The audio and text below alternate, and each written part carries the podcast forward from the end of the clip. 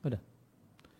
Alhamdulillah wassalatu wassalamu ala rasulillah wa ala alihi wa sahbihi wa man tabi'ahum bi ihsanin ila yaumidin amma ba'd kaum muslimin dan muslimah rahimani wa rahimakumullah kembali kita lanjutkan membaca dan mentelaah Sarah Usul Sunnah Imam Ahmad karya sesaat Athathri hafizallahu taala wa wafaqahu kita masih di halaman 57, kita akan baca catatan kaki penjelasan tambahan dari penyunting atau muhakik atau mu'tani. Fatabayana lana jelaslah bagi kita anahuna kafi bisyafa'at di bab syafaat terdapat man orang yang farata meremehkan dalam mengimani syafaat sehingga mereka mengingkari dan menolak madalat alaihin nusus kandungan nas. Ya, syafaat yang terdapat dan menjadi kandungan nas. Di sisi yang lain ada sekelompok orang yang berlebihan dalam mengimaninya sehingga menetapkan dan mengimani syafaat yang tidak ditetapkan oleh nas. Maka mereka tetapkan adanya syafaat dari al-mauta, orang-orang yang sudah mati, min asabil kubur, para penghuni kubur. Akan berikan syafaat untuk mereka di sisi Allah. Dan Allah Allah Subhanahu wa taala telah memberikan taufik kepada ahli sunnah untuk bersikap pertengahan fi hadal bab dalam masalah ini kaghairi minal abwab sebagaimana di bab-bab yang lainnya ahli sunnah mengimani apa yang ditetapkan oleh Nas dan meniadakan apa yang ditiadakan oleh Nas. Syekhul Islam Ibn Taimiyah Syekhul Islam Taimiyah rahimallahu taala di kitabnya Iqtida' Shiratal Mustaqim mengatakan hadal maudi' masalah ini adalah permasalahan yang iftarqan nasu fihi manusia berselisih pendapat padanya terbagi menjadi tiga golongan. Torfani dua golongan ekstrim, wawasaton dan satu golongan pertengahan. Maka orang-orang musyrik dan dan orang-orang yang mencocokinya yaitu uh, dari,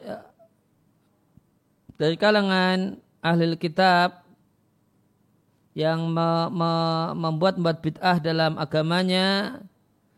Semacam ahli bid'ah dari kalangan Nasrani dan ahli bid'ah dalam kalangan umat ini.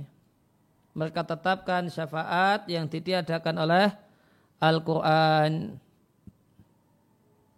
Sedangkan Khawarij dan Mu'tazilah mereka mengkari syafaat Nabi Wasallam. Perhatikan garis bawahi fi ahlil kabairi min ummatihi syafaat untuk pelaku dosa besar dari umat Nabi. Artinya Khawarij dan Mu'tazilah tidak mengingkari syafaat uzma. Yang diingkari adalah syafaat untuk pelaku dosa besar. Bahkan sekelompok dari alil bid'ah yaitu sekelompok dari Mu'tazilah mengingkari kalau orang itu bisa mendapatkan manfaat dari syafaat dan doa orang lain. Sebagaimana mereka mengingkari seorang itu bisa mendapatkan manfaat dari sedekah orang lain dan puasa orang lain anhu untuknya. Mereka mengingkari syafaat beralaskan beralasan dengan firman Allah Ta'ala min qabli ayati yaumul la bay'un fihi wala khullatu wala syafa'ah. Sebelum datang hari tidak ada jual beli, tidak ada cinta, ya, kasih sayang dan orang yang dekat di hati tidak pula ada syafaat. Ditambah firman Allah Ta'ala malid zalimina min hamim wala syafi'i yuta' Tidak ada bagi orang yang zalim yaitu orang yang musyrik hamimin teman dekat tidak pula pemberi syafaat yang ditaati dan semacam itu. Adapun salaful ummah dan para imam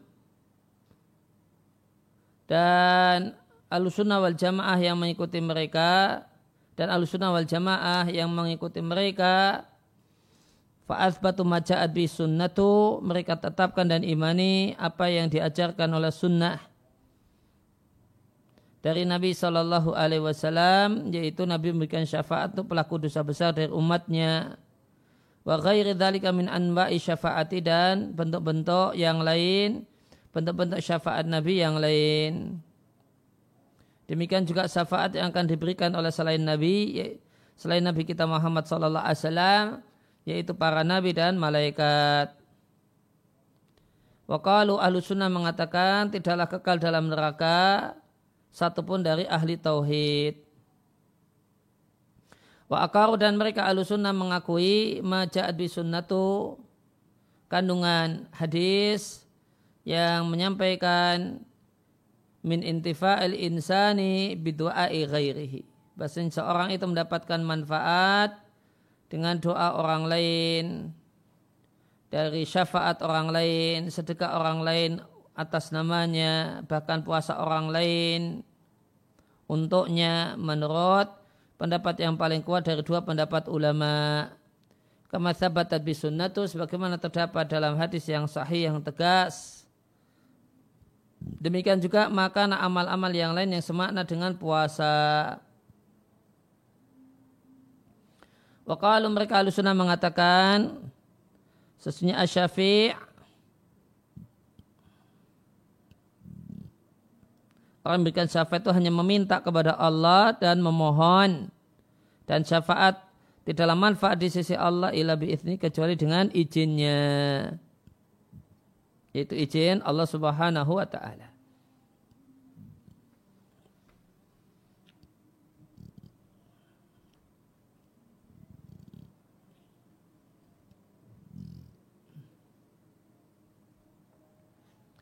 Ya, kemudian kita lanjutkan di halaman 58 ya.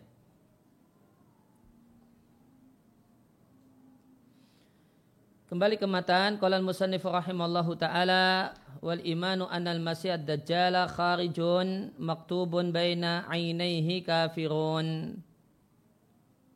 Wal ahaditsul lati ja'at fihi wal imanu bi anna dzalika kainun. Dan mengimani bahasa masih ad-dajjal itu pasti akan keluar dan tercatat di antara dua matanya tulisan tertulis di antara dua matanya tulisan kafirun kafir dan hadis-hadis yang jaat fihi berkenaan dengan dajjal dan mengimani anna dalika kainun bahasanya itu semua akan terjadi.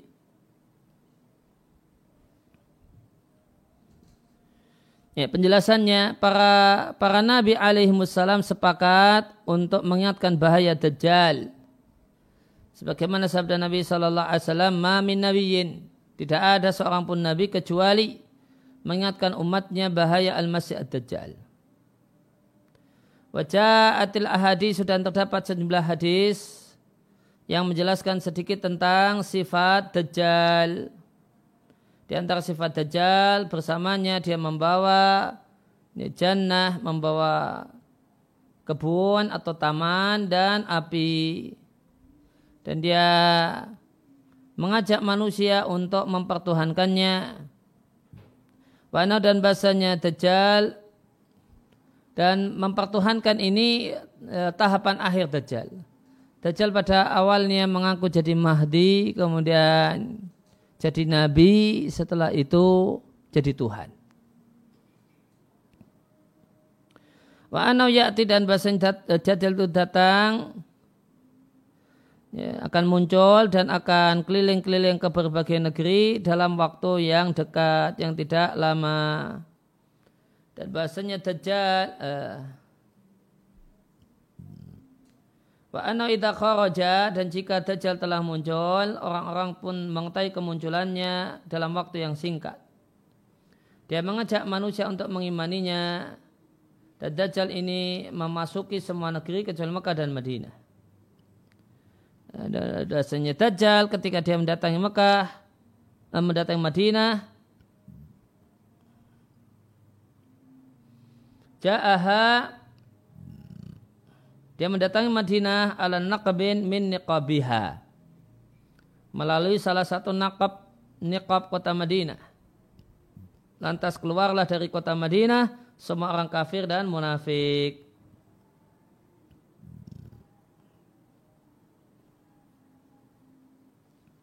Detailnya ada di catatan kaki, catatan kaki dua. Diatkan oleh Al-Bukhari.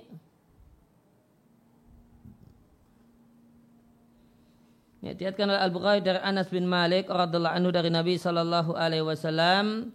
Nabi menyampaikan laisa min baladin tidak ada satu pun negeri kecuali Dajjal akan menginjakkan kaki di negeri tersebut kecuali Makkah dan Madinah.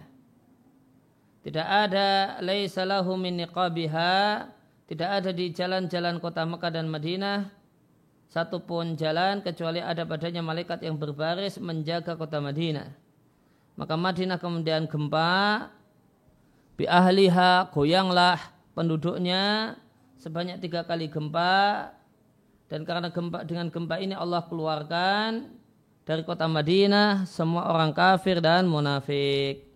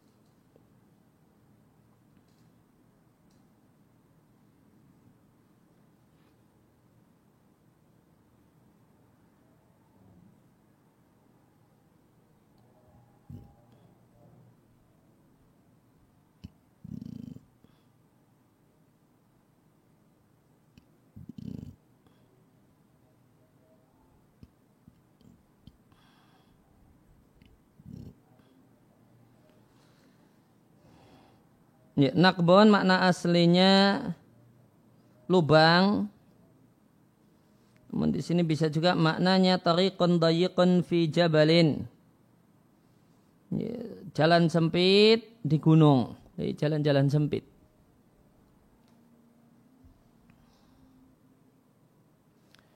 Ya, maka tinggal di kota Madinah dan Mekah tidak jaminan selamat dari Dajjal.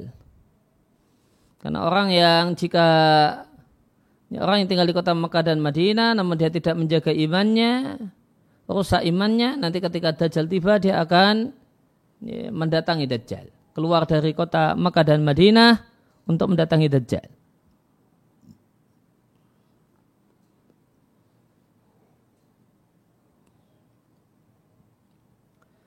Fakharaja minal madinati maka keluarlah dari kota Madinah setiap orang kafir dan munafik keluar hatta yu'mina bihi sehingga mengimaninya. Yaitu mengimani Dajjal. Dan keluarlah seorang dari ahlu sunnah wal islam mendebat ya, mendebat Dajjal wa dan membantah Dajjal maka Dajjal berkata kepada orang-orang yang ada, para pengikutnya, maukah aku perlihatkan kepada kalian? Kemudian Dajjal memerintahkan untuk membelah orang tersebut menjadi dua bagian.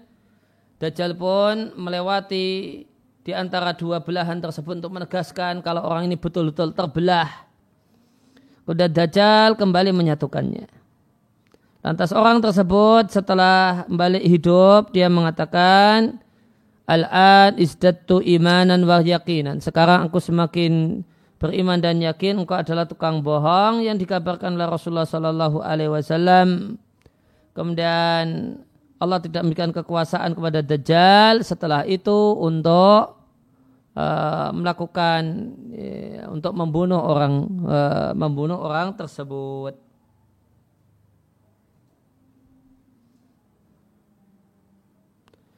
Nah kenapa Dajjal ini disebut Al-Masih, Wakil dan ada yang menjelaskan Wakil ya, dia disebut Al-Masih li'ana yadur alal buldani Karena dia berkeliling ke berbagai negeri, wa yasihu dan berkeliling via di berbagai negeri. Dan dia disebut Dajjal karena dia berbohong dan bukan orang yang jujur. Dan terdapat dalam banyak hadis mendeskripsikan Dajjal kalau Dajjal itu buta sebelah. Dan bahasanya Allah Jalla wa'ala tidak buta sebelah dan dia bersamanya taman dan api. Siapa yang masuk ke tamannya Dajjal, dia akan menjumpai neraka. Dan siapa yang masuk ke apinya Dajjal, dia akan mendapatkan penghidupan yang nikmat. Kehidupan akhirat yang nikmat. dulu kahada, maka kisah Dajjal ini memberikan petunjuk kepada anda untuk tidak bersegera cepat-cepat mempercayai semua orang yang mengklaim kebaikan atau mengklaim satu klaim. Walau nama ma'ahu meskipun bersamanya terdapat bukti yang ya, yang yadhar yang nampak kalau itu adalah karamah atau itu mukjizat sampai seorang itu memastikan keadaan orang tadi kemudian menimbangnya dengan nusus syar'iyah dalil Quran dan sunnah. Dan sejumlah kelompok mendustakan adanya masih ada Dajjal. Mereka mengatakan karena Dajjal tidak terdapat dalam kitabullah Azza wa Jalla. Ya, ya, maka kita katakan sunnah adalah dalil yang independen. Wajib atas kita mengimani sunnah dan menjadikan sunnah sebagai hakim dalam kehidupan kita, dalam permasalahan kita dan mengamalkan bima fiha minan nusus nas nas yang terdapat di dalamnya.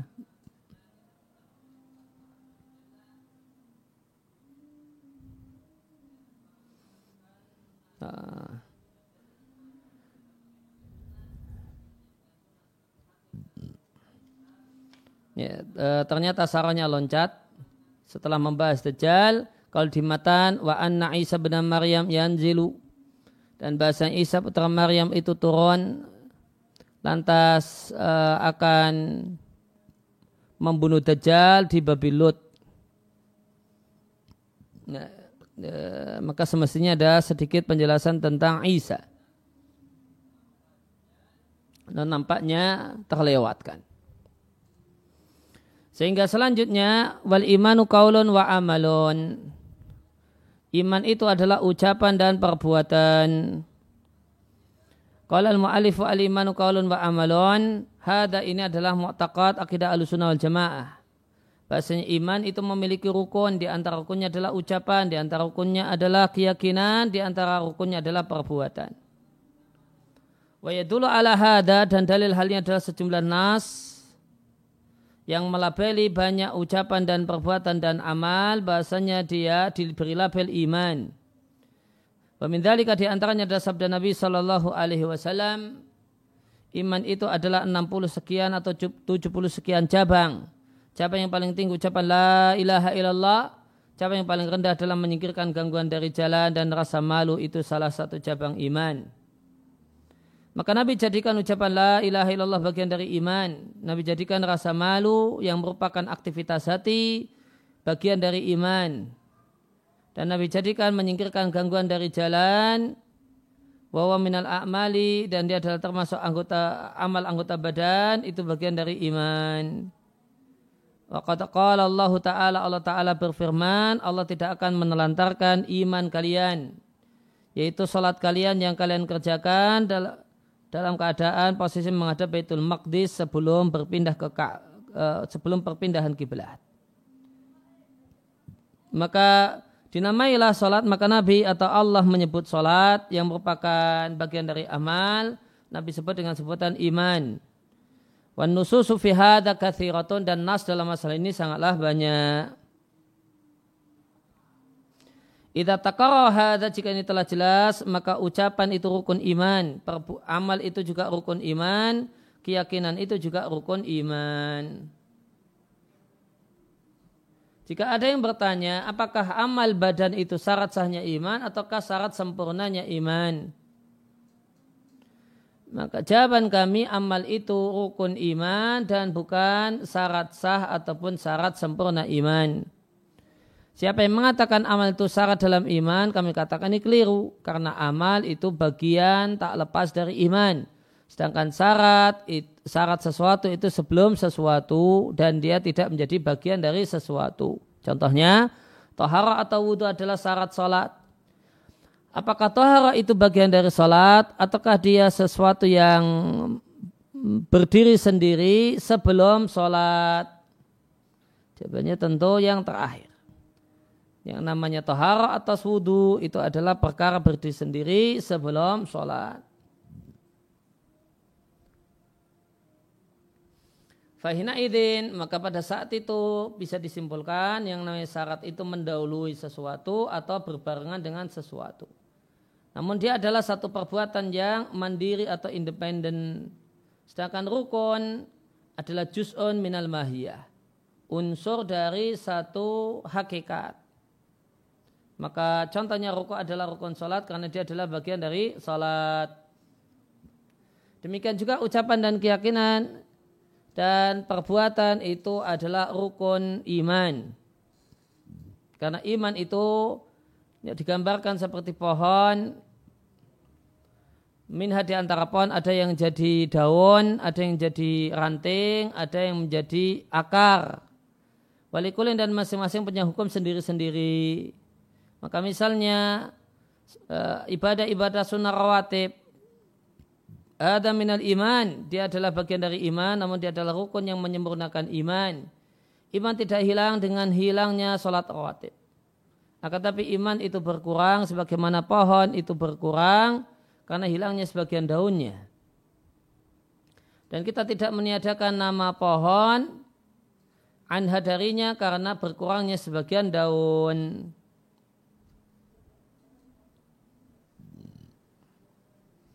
Kemudian kembali ke matan, iman itu yazidu wa yangkus, bertambah dan berkurang. Kama ja'a fil khobari sebagaimana terdapat dalam hadis akmalul mu'minina imanan ahsanuhum khuluqa. Mukmin yang paling sempurna imannya, yang paling bagus amal, uh, yang paling bagus akhlaknya. Catatan uh, penjelasannya Yazid wa yang kos yakni artinya bahasa iman itu bertambah jika hamba itu melakukan ketaatan. Dalil hal ini firman Allah Ta'ala supaya mereka bertambah imannya di samping imannya imannya terdahulu.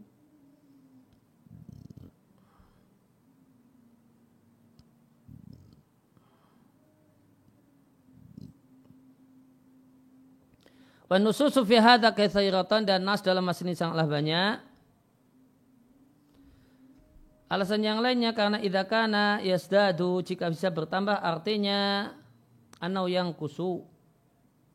Artinya dia bisa berkurang mimbabi dalalati talazum. Mengikuti bab dalalah talazum. Dalalah talazum itu artinya eh, konsekuensi logis. Konsekuensi logis adanya bangunan eh, apa misalnya bangunan kelas berarti ada tukangnya, ada desainernya. Tidak mungkin ada bangunan tanpa tukang yang menggarap dan mengerjakannya. Ini konsekuensi logis adanya bangunan. Maka dalalah talazum berarti konsekuensi dari iman itu bertambah, dia berkurang.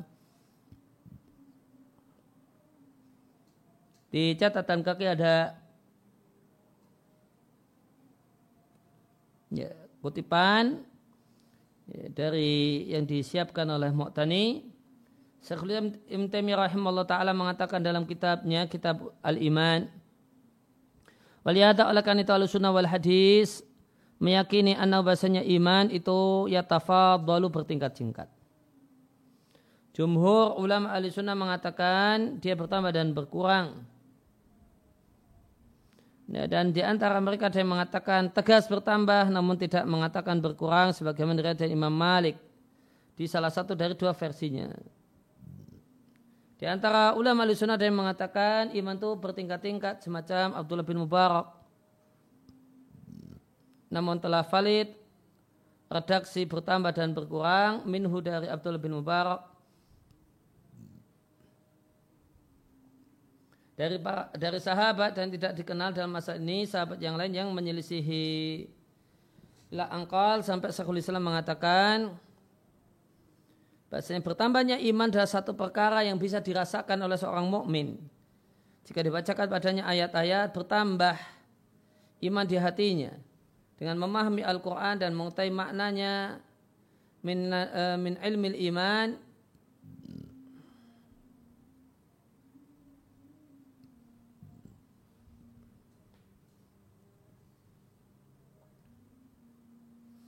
Ya, maka ketika dia memahami Al-Quran dan mengetahui makna-maknanya min ilmi iman, maka ada pengetahuan iman yang tidak ada sebelumnya. Hatta sampai-sampai seakan-akan dia tidak pernah mendengar ayatnya kecuali saat itu. Dan terwujudlah di dalam hatinya minat yang kuat untuk melakukan kebaikan dan rasa takut yang luar biasa minasyari dari kejelekan malam yakun selama belum terjadi. Fazada maka bertambahlah ilmunya, pengenalannya tentang Allah, rasa cintanya untuk taat pada Allah. Nah inilah yang dimaksud dengan bertambahnya iman intaha sekian kutipan.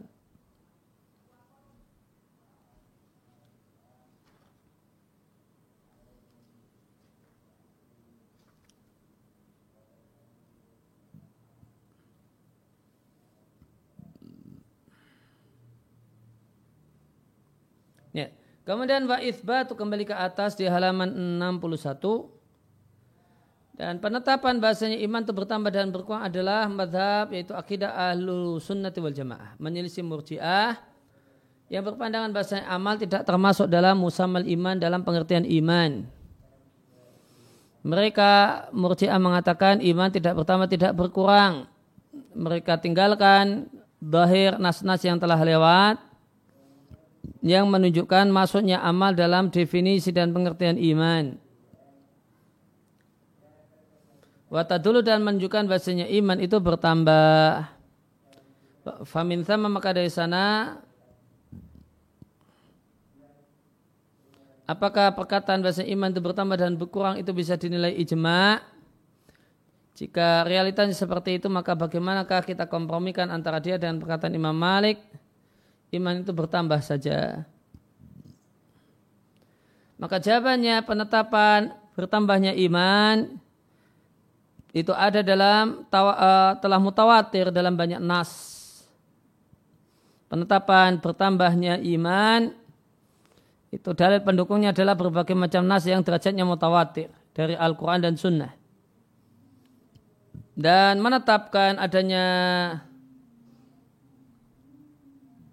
dan menetapkan kalimat itu berkurang adalah di antara konsekuensi iman itu bertambah. Imam Malik atau sebagian orang yang meniadakan berkurangnya iman hanyalah meniadakan lafad bukan meniadakan lafad dan makna. Fakal beliau katakan kami tidaklah mengatakan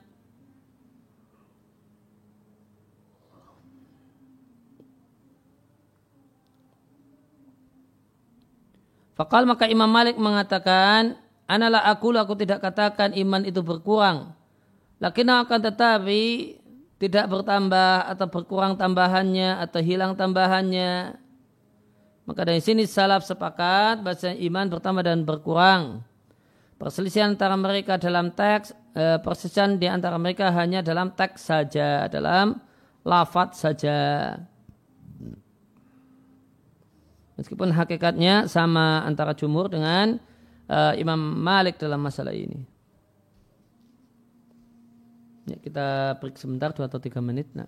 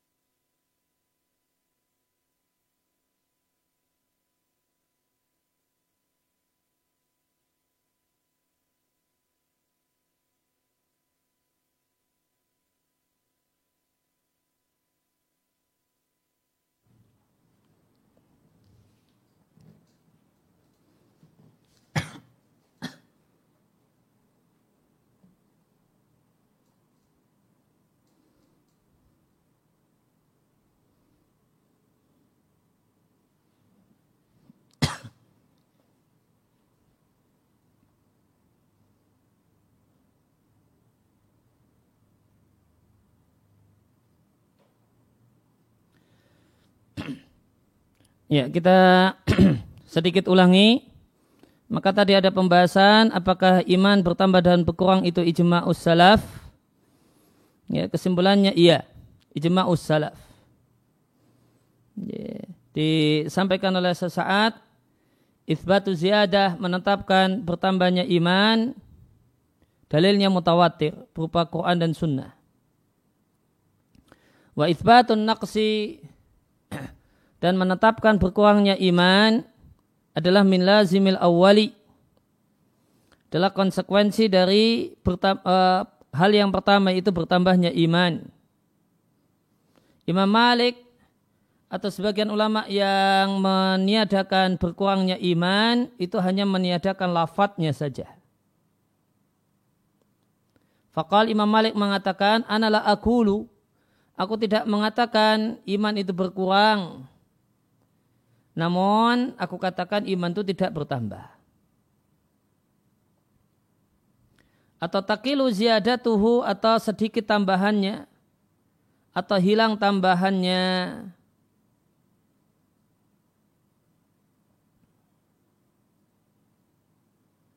Ya, hilang tambahannya ya sama dengan berkurang.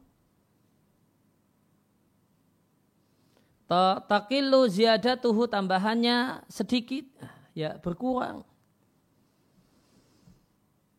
Wa min huna maka dari sini fasalafu muttafiquna garis bawahi uh, perhatikan muttafiquna. Ya, ini jawaban dari pembahasan uh, atau pertanyaan. Maka salaf sepakat. Bahasanya iman bertambah dan berkurang karena perselisihan di antara mereka dalam masalah berkurangnya iman itu adalah perselisihan redaksional saja.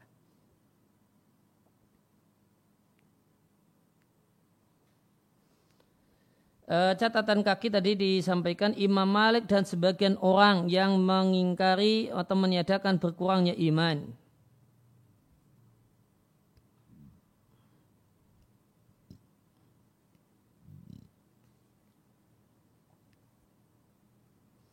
Maka ada catatan kaki satu. Syekhul Islam Taimiyah rahimahullah taala di Majmu' Fatawa mengatakan wa kana ba'dul fuqaha'i adalah sebagian ulama fikih min adba'i tabi'in dari tabi' tabi'in tidak setuju fi itlaqin nuqsani alaihi label berkurang alaihi untuk iman di enam karena mereka menjumpai disebutkannya bertambahnya iman dalam Al-Quran dan mereka tidak menjumpai disebutkannya berkurangnya iman. Wahada dan ini adalah salah satu dari dua riwayat dari Imam Malik. Imam Malik punya dua pendapat. Pendapat pertama menegaskan iman bertambah dan berkurang. Ya, pendapat yang kedua iman bertambah dan no comment dan tidak berkomentar tentang berkurangnya iman.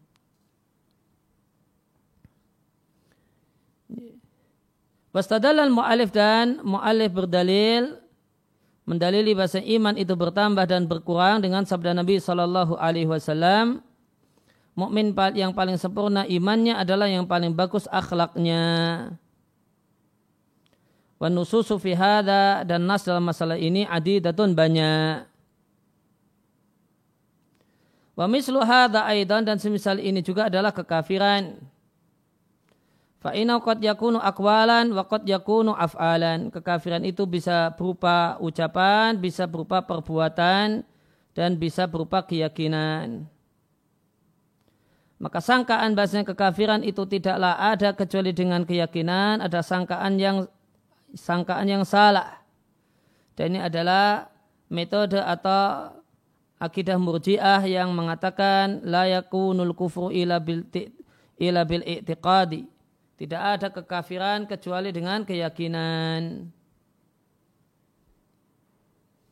Waqad nususu di halaman 62 padahal terdapat banyak nas yang memberikan vonis kafir kepada orang yang mengucapkan satu ucapan atau melakukan satu perbuatan.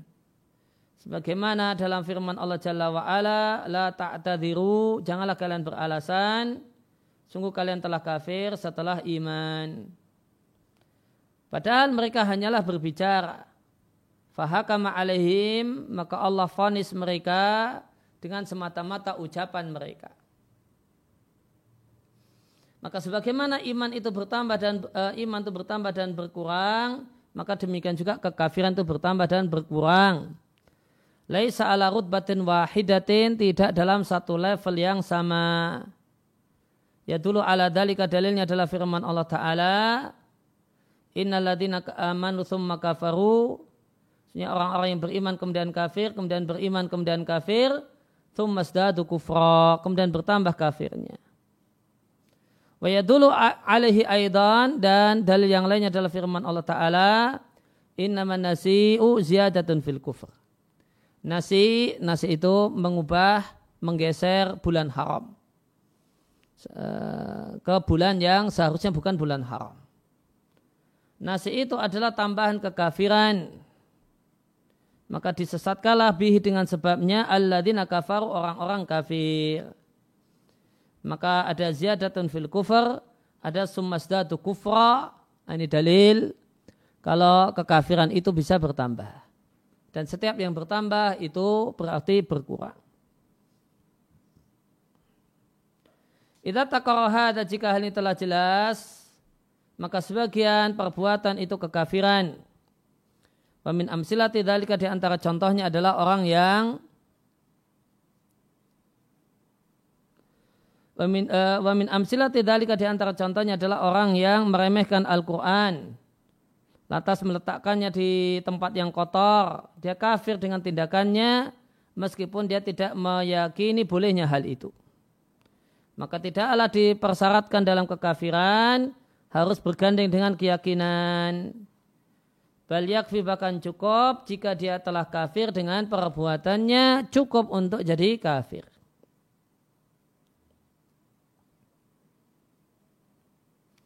Kembali ke matan wa man taraka salata faqad kafara dan siapa yang meninggalkan salat maka sungguh dia telah kafir. Walaysa minal a'mali syai'un dan tidak ada amal uh, satupun amal yang tarkuhu kufrun meninggalkannya adalah kekafiran kecuali salat. Siapa yang meninggalkan salat fawa kafir maka dia kafir dan Allah telah menghalalkan hukuman mati untuknya.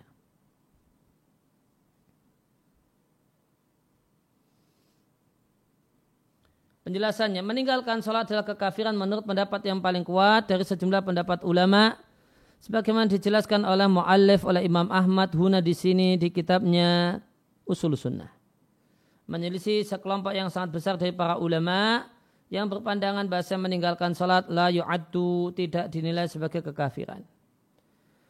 Waqad terdapat dalam hadis bahasanya Nabi SAW menyampaikan Perkara yang membedakan antara kami dengan mereka adalah salat. Siapa yang meninggalkannya sungguh dia telah kafir. Dan Nabi Shallallahu Alaihi Wasallam menyampaikan antara seseorang dengan kemusyrikan atau kekafiran adalah meninggalkan salat.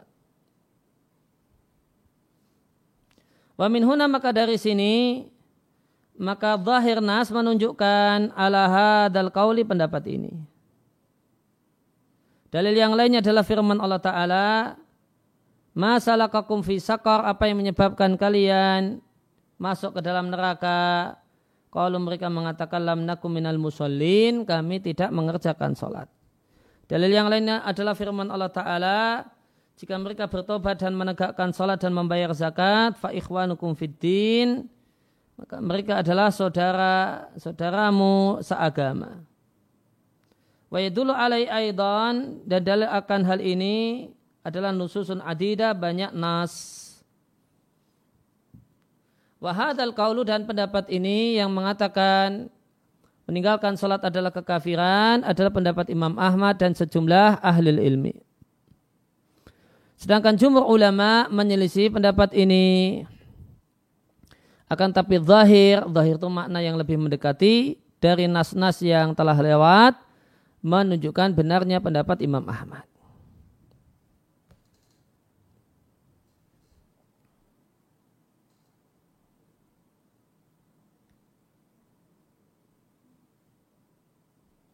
Nah gimana kalau meninggalkan sholatnya bolong-bolong? Tentu meninggalkan sholat ada yang sama sekali meninggalkan sholat, ada yang bolong-bolong. Wa kana yatrukuha jika seorang itu meninggalkan sholat fi waktin di satu waktu dan melakukannya di waktu yang lain. Nah, artinya bolong-bolong. Dan perlu diingat bahasanya sholat yang kita bahas adalah sholat lima waktu, bukan sholat aid